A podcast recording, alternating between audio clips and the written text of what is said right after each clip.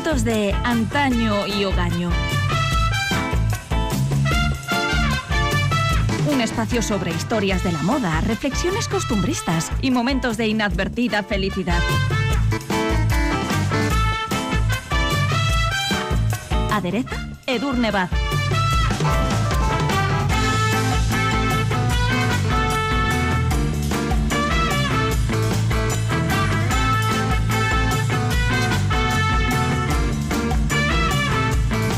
Como hemos visto a lo largo de los diferentes episodios de este espacio, el uso del atuendo como forma de comunicación social es inherente a la historia de la moda. Las prendas y complementos se han utilizado en cada época como un instrumento para la manifestación de la propia identidad, también para la representación del estatus personal, para la exhibición de poder o también para la exteriorización de una ideología.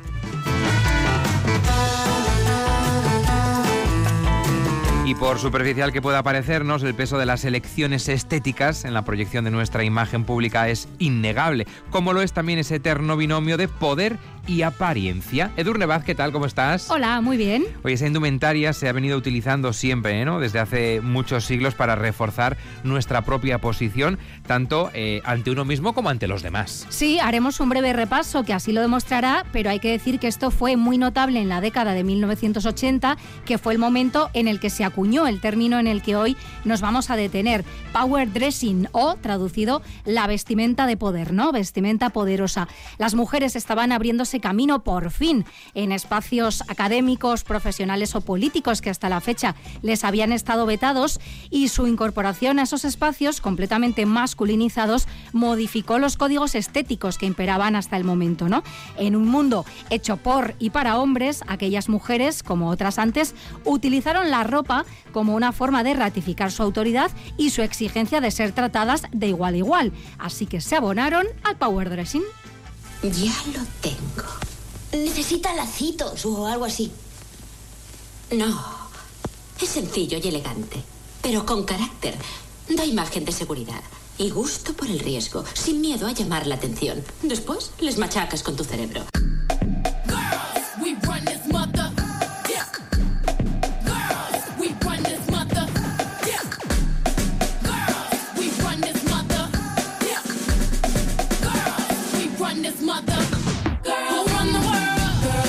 Pues vamos a escribir esta historia del power dressing en nuestros asuntos de antaño y hogaño, porque la moda es en gran medida un producto del cambio social y la evolución del atuendo femenino a lo largo de la historia ha estado estrechamente ligada a su conquista de la libertad. Tan estrecha es esa relación entre la moda y el poder que en 2014 el Museo del Diseño de Londres organizó una exposición que llevó por título Women Fashion Power. Em, ¿Qué contaba esa muestra, Durne? Bueno, desde el recurrente ejemplo de Margaret Thatcher, que aquí ya analizamos en su día, hasta los irreverentes estilismos de Lady Gaga, la exposición mostraba cómo las mujeres más poderosas de la historia reciente han utilizado la moda para redefinir y realzar su posición en el mundo. The New York Times publicó al respecto de esta exposición, la moda es el elefante invisible en la habitación, es la herramienta que todo el mundo utiliza para disparar desde que Juana de Arco se puso una armadura masculina. Y estas son palabras muy reveladoras, porque en efecto, cada vez que las mujeres han intentado acceder a espacios tradicionalmente reservados a los hombres, han tenido, digamos que, masculinizar sus maneras. Es más, a lo largo de la historia, muchas mujeres directamente han tenido que hacerse pasar por hombres para ir a la batalla, para poder estudiar o para poder trabajar, incluso para poder gobernar. Recordemos a Hatshepsut, la reina faraón que vivió y gobernó en el siglo XV antes de nuestra era, aunque su nombre, como ya sabemos y ya contamos en su día, permaneció oculto en las sombras de la historia hasta el siglo XIX. Bueno, pues ella, desafiando a una civilización que solo concebía para las mujeres el rango máximo de gran esposa real, esposa del dios, reina viuda o reina regente, Hatshepsut se autoproclamó faraón de las dos tierras, pero incluso entonces hizo lo que otras muchas mujeres que aspiraban a acceder a esferas completamente limitadas a los hombres han hecho a lo largo de la historia. Asumió atributos físicos masculinos. Aparentar ser un hombre, Exactamente. Lo, estético. en sus ceremonias públicas y también en las representaciones artísticas que se hacían de ella. Esto confundió bastante a los historiadores al principio y a los arqueólogos. Pero bueno, este es un ejemplo muy, muy remoto. Vamos a repasar algunos otros momentos de la historia contemporánea en los que las mujeres han tirado de power dressing para reivindicar sus derechos.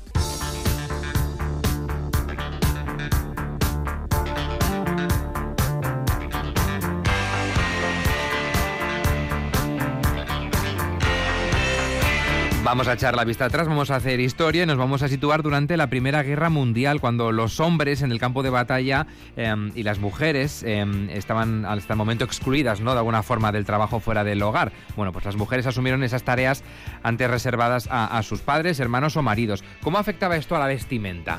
Bueno, los estrechos márgenes de la falda y el vestido, que habían sido uniformes de las mujeres, digamos, hasta el momento, se ampliaron en favor de los más funcionales pantalones de trabajo o ya propiamente uniformes eh, incluso militares. ¿no? Y tras la contienda, muchas de las mujeres que habían catado las mieles de la independencia y la comodidad ya se resistieron a abandonarlas, contribuyeron a cambiar los antiguos códigos de la vestimenta eh, femenina, en este caso, pues figuras como la de Coco Chanel, que fue absoluta pionera en la liberación estética y por extensión también social de la mujer. Su objetivo era que las mujeres pudieran moverse, montar a caballo, hacer deporte, trabajar, conducir y sobre todo respirar, ¿no? Que era algo que con el corsé resultaba bastante complicado. Ella hizo una apuesta revolucionaria por la comodidad y la sencillez, introduciendo en el armario femenino el punto, que antes estaba reservado también a la ropa interior o solo a los hombres. ¿no?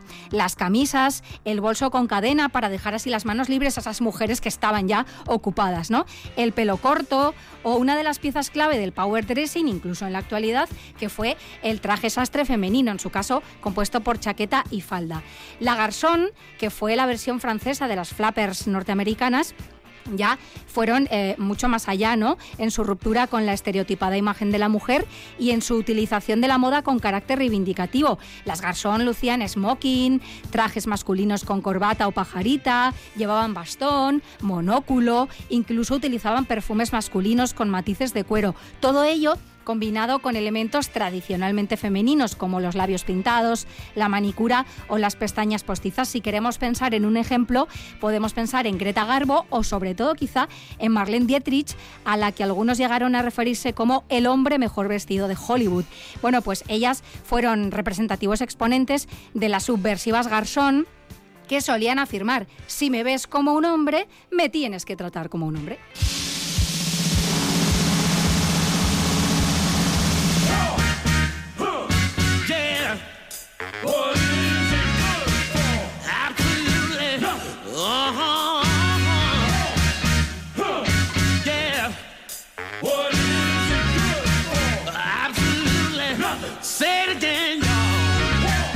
Esto que estamos contando sucedió durante la Primera Guerra Mundial. Hubo otra, eh, la otra gran contienda que fue esa Segunda Guerra Mundial.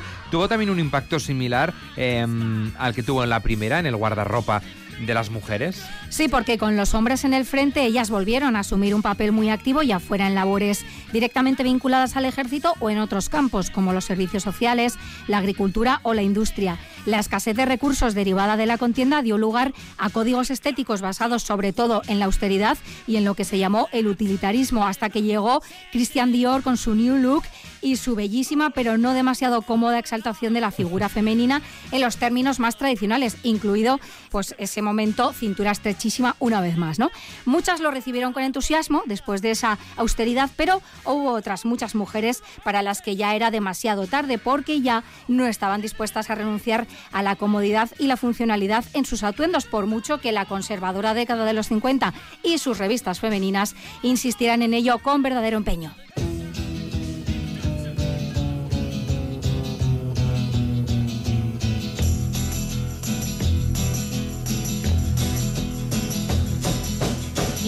Keep saying you got something for me. Something you call love, but confess. You've been a messin' where you shouldn't have been a messin'. And now someone else is getting all your best. Pues vamos avanzando, vamos a situarnos ahora mismo en la década de los 60 porque marcó un punto de inflexión en la historia del power dressing, que es el asunto que hoy nos ocupa. Fue una época de grandes cambios políticos y sociales impulsados por una juventud que de alguna forma estaba exigiendo libertad. ¿Y eso cómo se trasladó a la moda?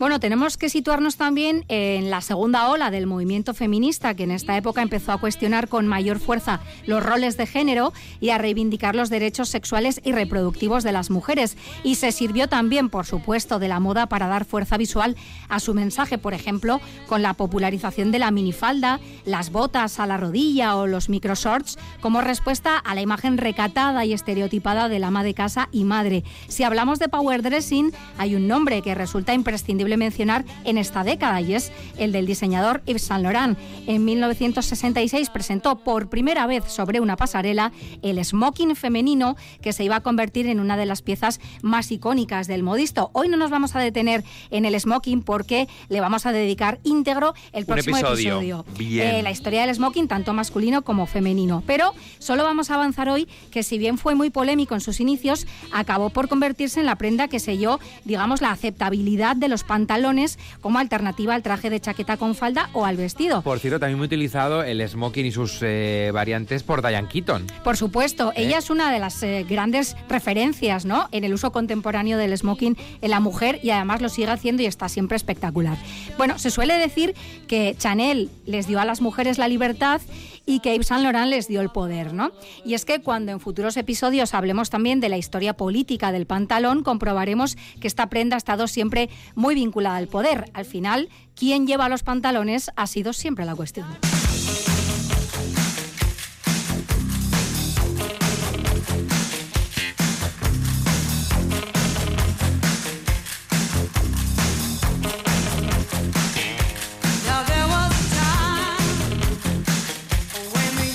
Esta música un poco disco nos lleva a la década de los 80, la que marcó técnicamente hablando el nacimiento del concepto power dressing, ¿no? Sí, porque como vemos el concepto ya venía existiendo, ese uso de utilizar la vestimenta y el atuendo como símbolo de poder, pero exactamente el término, digamos, se acuñó en la década de los 80. Hay una película de 1988 que se considera emblemática en lo referente al power dressing y no es otra que Working Girl, traducida al español como Armas de Mujer y protagonizada por Sigourney Weaver, Melanie Griffith y Harrison Ford.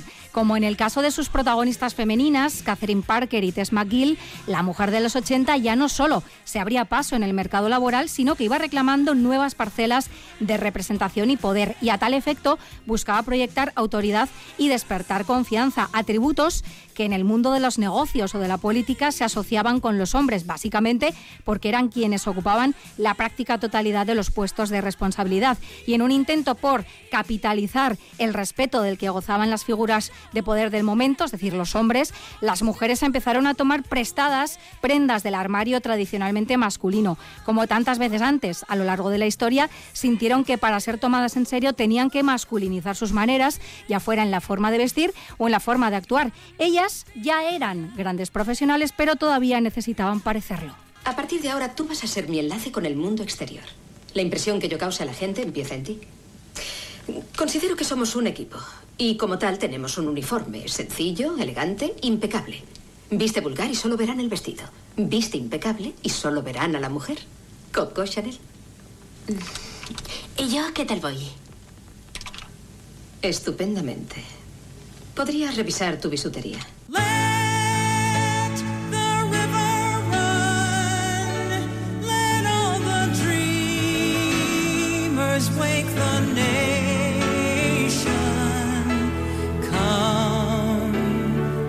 New Jerusalem.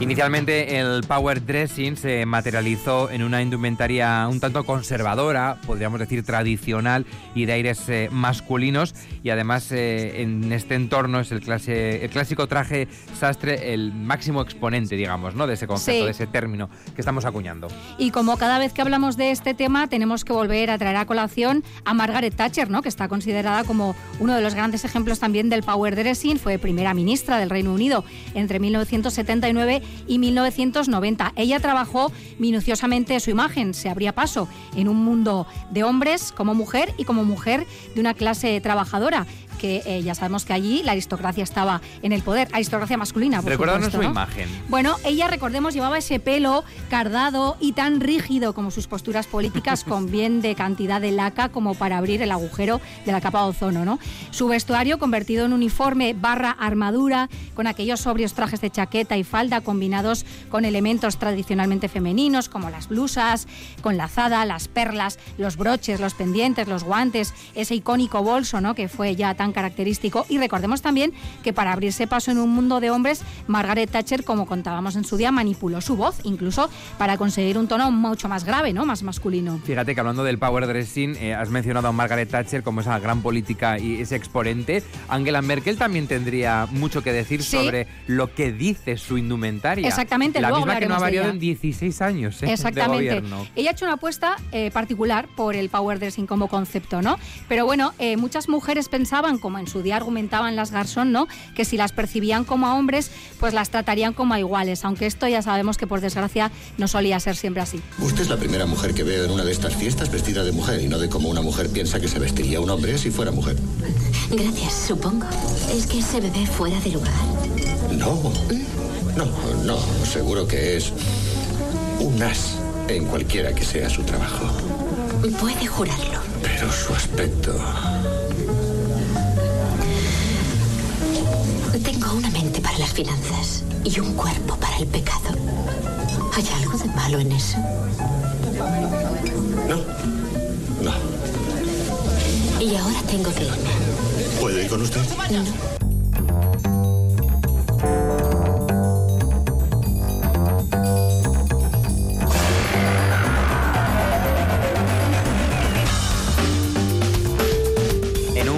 En el power dressing de los años 80 consistió básicamente en tomar prestadas las prendas del armario masculino con esa idea em, añadida de esconder el cuerpo femenino y de esta manera evitar eh, lo que acabamos de escuchar ¿no? en, este, en este extracto. Eh, se trataba de lanzar un mensaje de practicidad, de austeridad, em, también de cuáles sean las prioridades, pero evidentemente ese concepto ha ido evolucionando. ¿Cómo lo ha hecho? Al tiempo que las mujeres eh, se iban abriendo paso y ganándose su espacio, pues también fueron conquistando su propio armario, digamos, ¿no? Con el transcurrir de los años, el power dressing dejó de ser un mero préstamo para alcanzar entidad y personalidad propias y a ello contribuyeron diseñadores como Giorgio Armani, que está considerado el pionero del power suite por su célebre traje de chaqueta femenino que sigue estando presente incluso hoy en día en todas sus colecciones. Fue una prenda útil y práctica que se diseñó ya específicamente para las mujeres que se abrían paso en un mundo laboral. Se mantenían, eso sí, los clásicos hombros amplios, pero ya con una silueta más relajada, cómoda y refinada que se convirtió además en el uniforme de toda una generación de mujeres profesionales.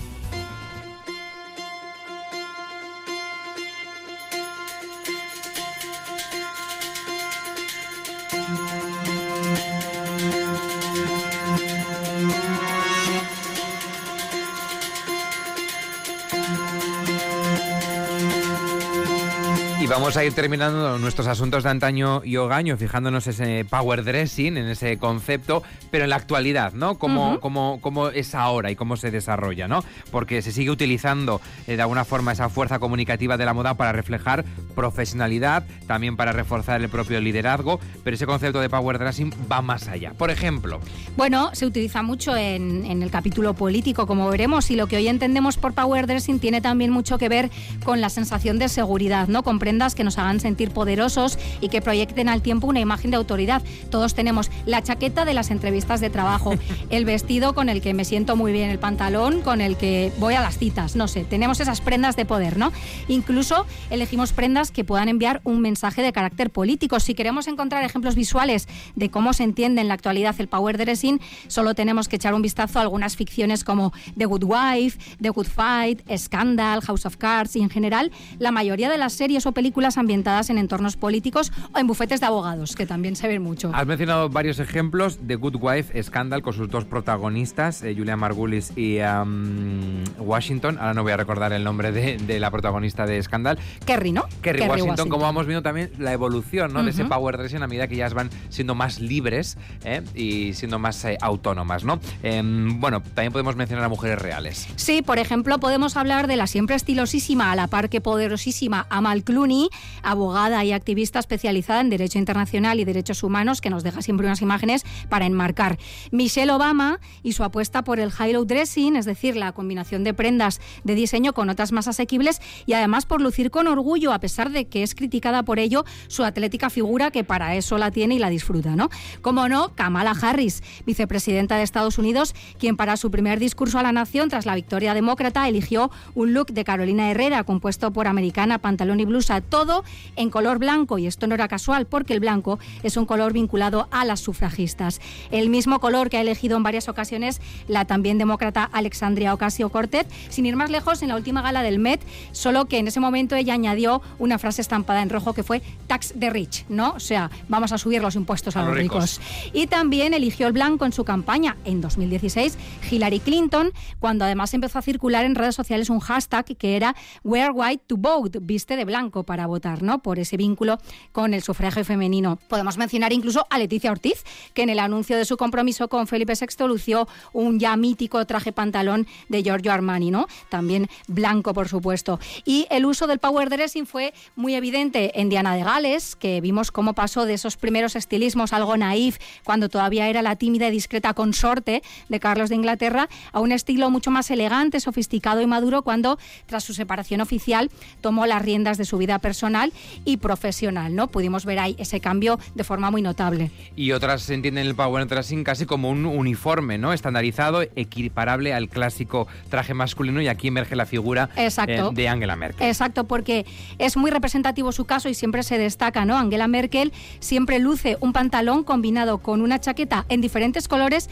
pero de idéntico corte. Se ha convertido casi ya en un meme, ¿no? Porque ella ha optado por estandarizar, por equiparar su vestimenta al traje clásico masculino, ¿no? Excepto en 2008, cuando para la inauguración de la Ópera de Oslo, recordemos que eligió un espectacular escote que fue tan comentado que Angela dijo, mm, no me quedan ganas de repetir, vuelvo a mis trajes de chaqueta, ¿no?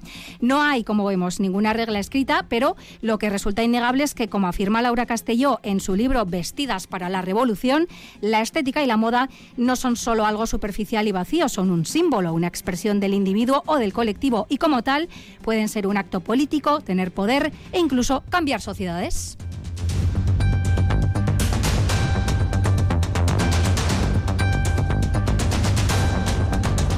Pues hoy hemos revisionado ese concepto, ese término power dressing, lo que significa, cómo ha evolucionado y casi todos de manera inconsciente lo utilizamos, como lo has dicho. Edurne Baces, que ricasco. Ese datic. Agur.